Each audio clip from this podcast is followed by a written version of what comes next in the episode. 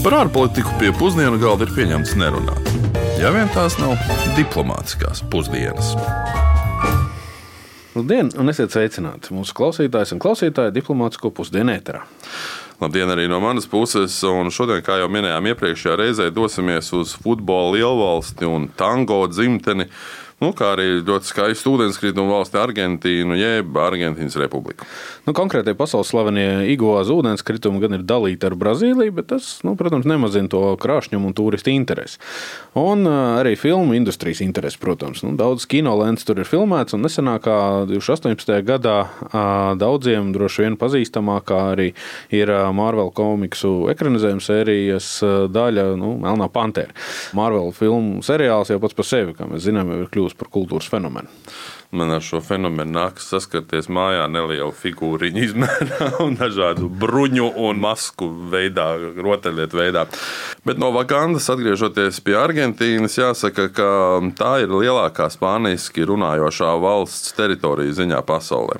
Um, iedzīvotāju skaita ziņā tā ir apmēram tikpat liela kā pati Spānija - 46 miljoni cilvēku. Un, kā jau arī minēju, pazīstam, tā ir ne tikai kā tango dzimtene, bet arī slavenā marksistu revolucionāra Ernesto Čegevaras dzimtene. Varam atgādināt, ka iesaukt Če pats par sevi nozīmē argentīnietis. Arī viņa popularitāte, protams, ir pamatā saistīta ar Kubu, bet to jau mēs aplūkojām vienā no iepriekšējiem raidījumiem.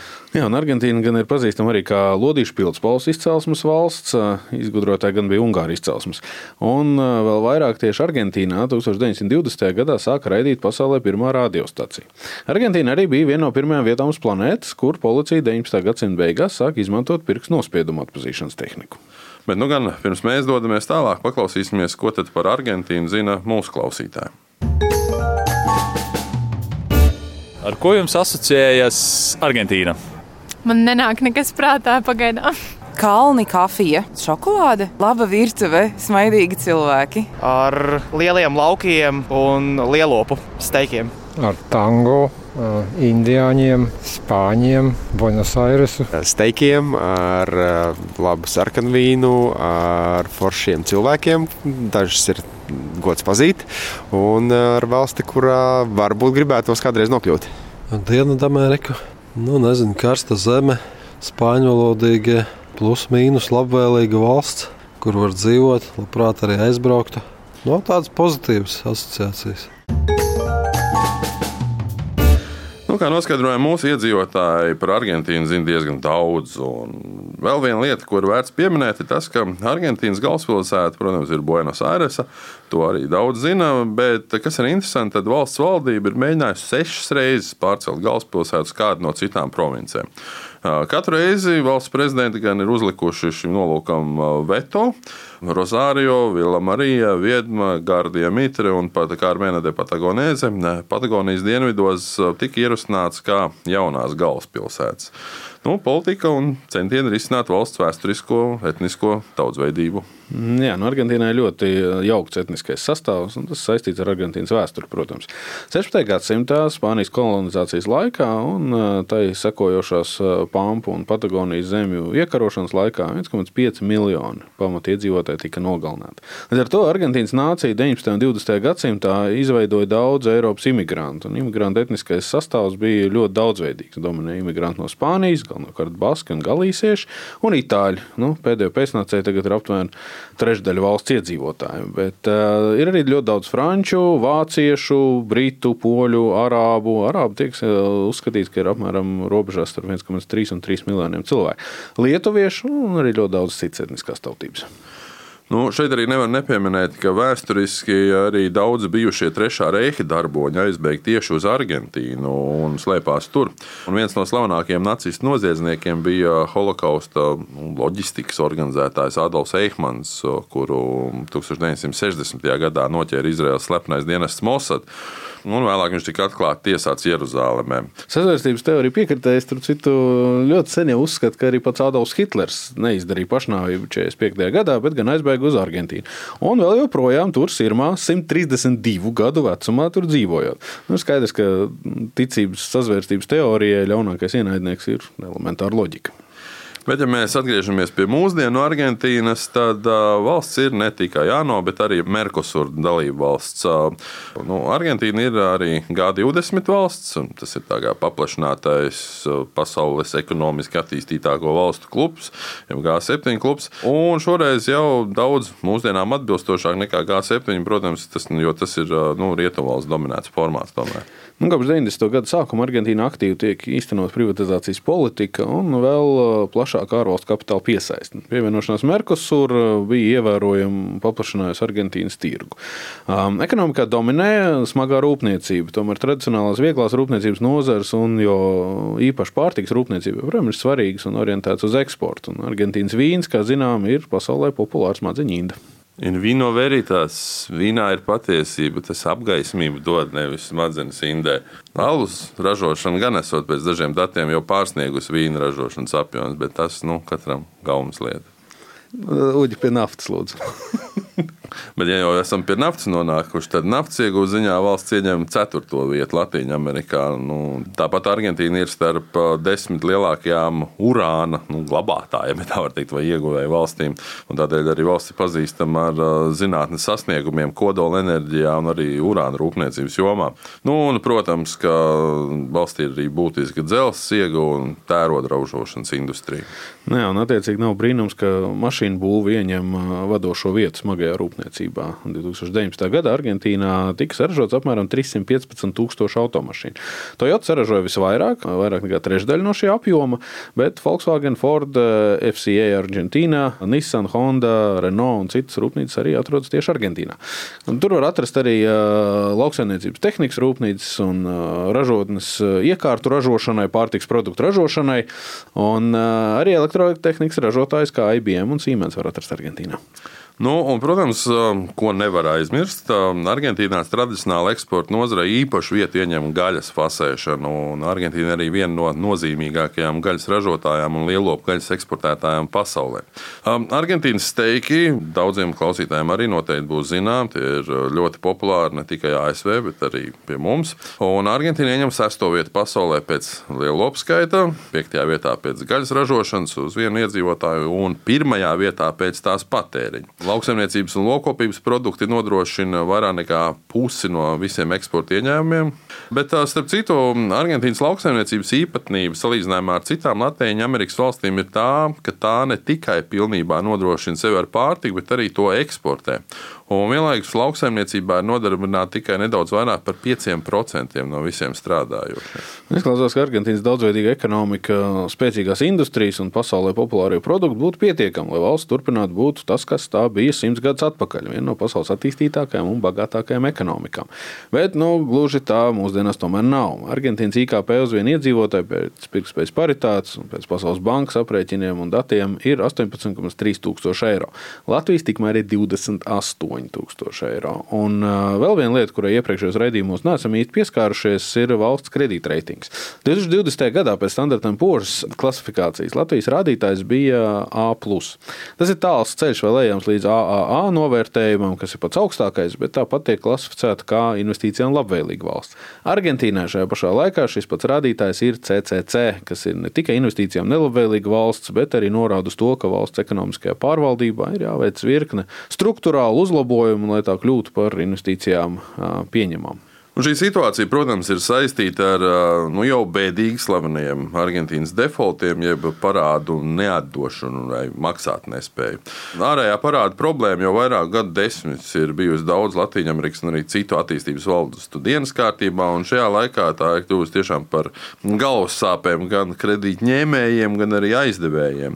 Un Argentīna jau sen ir starp tām valstīm, kur parāda problēmas ir īpaši sāpīgas. Un pirmais default gadījums, starp citu, bija jau tālākajā 1828. gadā, tikai 12 gadus pēc neatkarības iegūšanas no Spānijas. Jā, nu arī šobrīd Argentīnā ārējā parāda apjoms uz vienu iedzīvotāju viens no augstākajiem pasaulē un pārsniedz 100% no valsts IKP.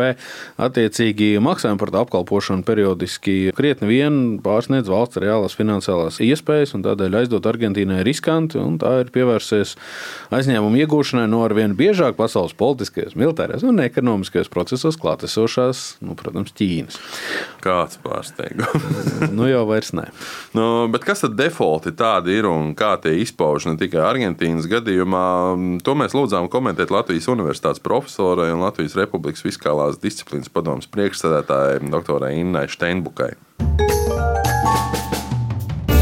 Ko nozīmē defaults? Defaults nozīmē to, ka valdībā nevar vai negrib maksāt privātiem kreditoriem no sava budžeta procentus par parādu.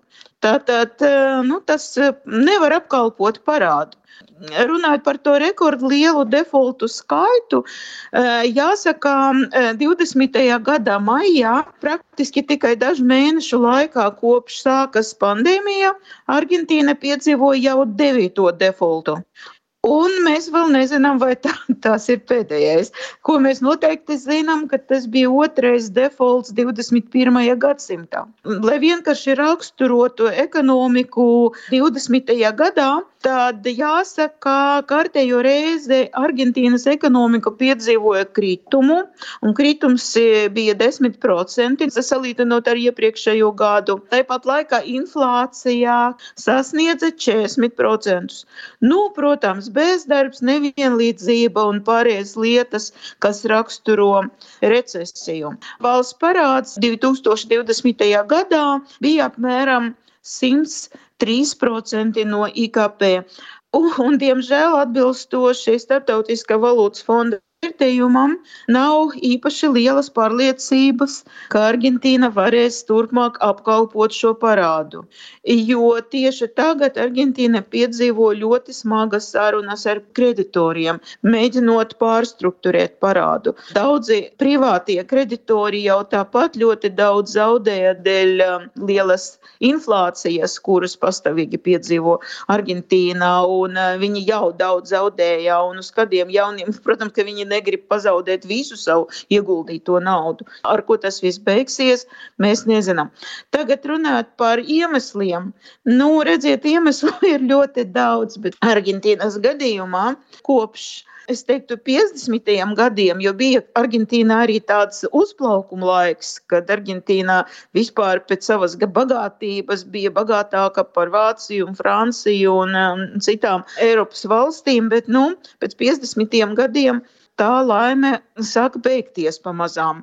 Un tad iemesli ir um, liela politiskā nestabilitāte un galvenais es teiktu, politiska svārstība starp tādiem liberāliem uzskatiem, politikas veidiem līdz pavisam kreisiem politikas instrumentiem. Nu, lai būtu viens piemērs, nu viens no piemēriem tas ir īpašuma reforma un svārstības no nacionalizācijas līdz privatizācijas un atkal nacionalizācijas. Protams, sakot, nekādas konsekventas rīcības, arī milzīga korupcija.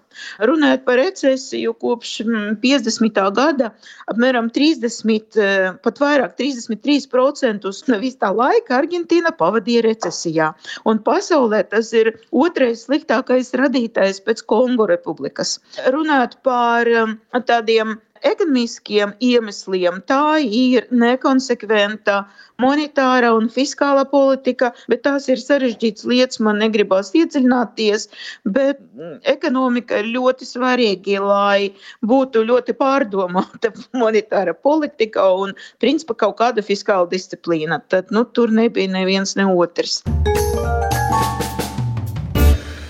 Jā, diemžēl pēdējā ekonomiskā krīze valstī turpinās jau kopš 2018. gada, un nu, gan Covid pandēmijas ekonomiskie efekti tikai sekmē iedzīvotāju dzīves līmeņa krišanos. Un, Protams, Argentīnas valdība mēģina veikt ekonomiskās un sociālās reformas, taču nu, šis lielais budžeta deficīts, augstā inflācija, arī produktivitātes un konkurētspējas kritums un, un augstā ienākuma nevienlīdzība un arī nu, tomēr vājās valsts institūcijas nu, šo atkopšanos no īstas krīzes tomēr liedz. Lai cik būtu paēdis, vienmēr ir vieta arī desertam. Tā nu mēs esam nonākuši arī līdz uh, saldēmēdienam. Jā, Argentīnas virtuve ir daudzveidīga, bet liela daļa lietu ir kopīgas visai Latvijai Amerikai. Un, nu, tādēļ varbūt jāsāk ar tādu lietu, ar tādu nu, sulīgu gaļas gabalu, varētu teikt, ar argentīnozauru. Šī kā tiek uzskatīts visu laiku lielākā dzīvnieku kaulu fragments, atrada kāds argentīniešu fermeris 1987. gadā savā dārzā. Nav slikts atradums, ja ņem vērā, ka argentīnozaurā astes līdz galvas garums tiek rēķināts ap 35 metriem un svars virs 50 tonnām. Nu, salīdzināsim kravas automašīnu fūri, ko sauc parasti ir ap 14 metriem. Gā. Mm. Tā tad mm. divi ar pusi reizes. Bet Argentīna ir daudz devusi pasaulē, kā jau iepriekš minējām, arī izgudrojuma ziņā. Bet vēl viena lieta, ka karikatūrists Quirino Kristiāni, itāļu izcelsmes argentīnietis, pasaulē deva multenes, jeb filmas animācijas filmas. Viņš radīja pirmās divas animācijas filmas un vēlāk arī pirmo animācijas filmu ar skaņu. Pati pirmā filmas multfilma, kas tika radīta 1917. gadā, gan nebija par dzīvnieciņiem, bet gan politiskā satīra 70 minūšu garumā. Kristiānī multfilmā tika izsmēts tā laika Argentīnas prezidents un viņa politiskie plāni. Diemžēl, kā ļoti daudz tā laika filmas, šis vēsturiskais materiāls nav saglabājies līdz mūsdienām un esot sadedzis ugunsgrēkā mazāk nekā desmit gadus pēc savas radīšanas. Kristiānī izveidotās filmu kompānijas liktenis gan arī bija relatīvi īss, jo to, protams, izkonkurēja multiplikators Valds Disnejs un viņa leģendārā Mikipela. Bet raidījuma noslēgumā vēl tikai pieminēšu kārtējo ugunszemi, jeb Terra del Fuego. Un tas ir Magelāna šaurumā atrodamais salu arhipelāgs, kas paver ceļu uz Antarktīdu. Un, lai arī pamatiedzīvotāji tajā dzīvo jau vismaz 10 000 gadu, Eiropieši to atklāja tikai 1520. gadā un nosauca par ugunszemi, jo nu, iezemieši bija regulāri sakūruši lielu skaitu ugunskura. Mūsdienās tur ir atrodama maza pilsētiņa Ušvaja, un tieši no šejienes polārie pētnieki tradicionāli ir devušies pētīt Antarktīdu. Gadu gaitā pilsēta bija kļuvusi gan par viduslaika jūrnieku patvērumu, gan par kristiešu misionāru cietosni, gan par cietumu, gan par Argentīnas gaisa spēku bāzi. Tagad Ušoja ir turisma centrs ar daudzām viesnīcām un veikaliem, un es domāju, ka Ušoja būs arī tā pilsēta, no kurienes es burāšu uz Antarktīdu pēc kādiem gadiem. Tas ir mans piecgades plāns. Jā, nu tad, tad tu varēsi pastāstīt, kā tur būs gājis. Un ar šo faktu noslēdzam, laikam, rūģa ceļošanas faktu noslēdzam, un nākamā nedēļa jau pavadīsim Ziemassvētku noskaņās mūsu raidījumu un dosimies atpakaļ uz Eiropu. Tikmēr lai sokas! Atgādināšu tikai, ka raidījumu kā ierasts veidojām mēs, dr. Kārls Bukovskis un Esuģis Lībijams. Ar ielu intervijā mums palīdzēja Ulris Česberis. Uz atdzirdēšanos Latvijas Rādio 1 viļņos, podkāstos un arī portālā LSMLV. Diplomātiskās pusdienas katru otrdienu pusdienos Latvijas Radio 1.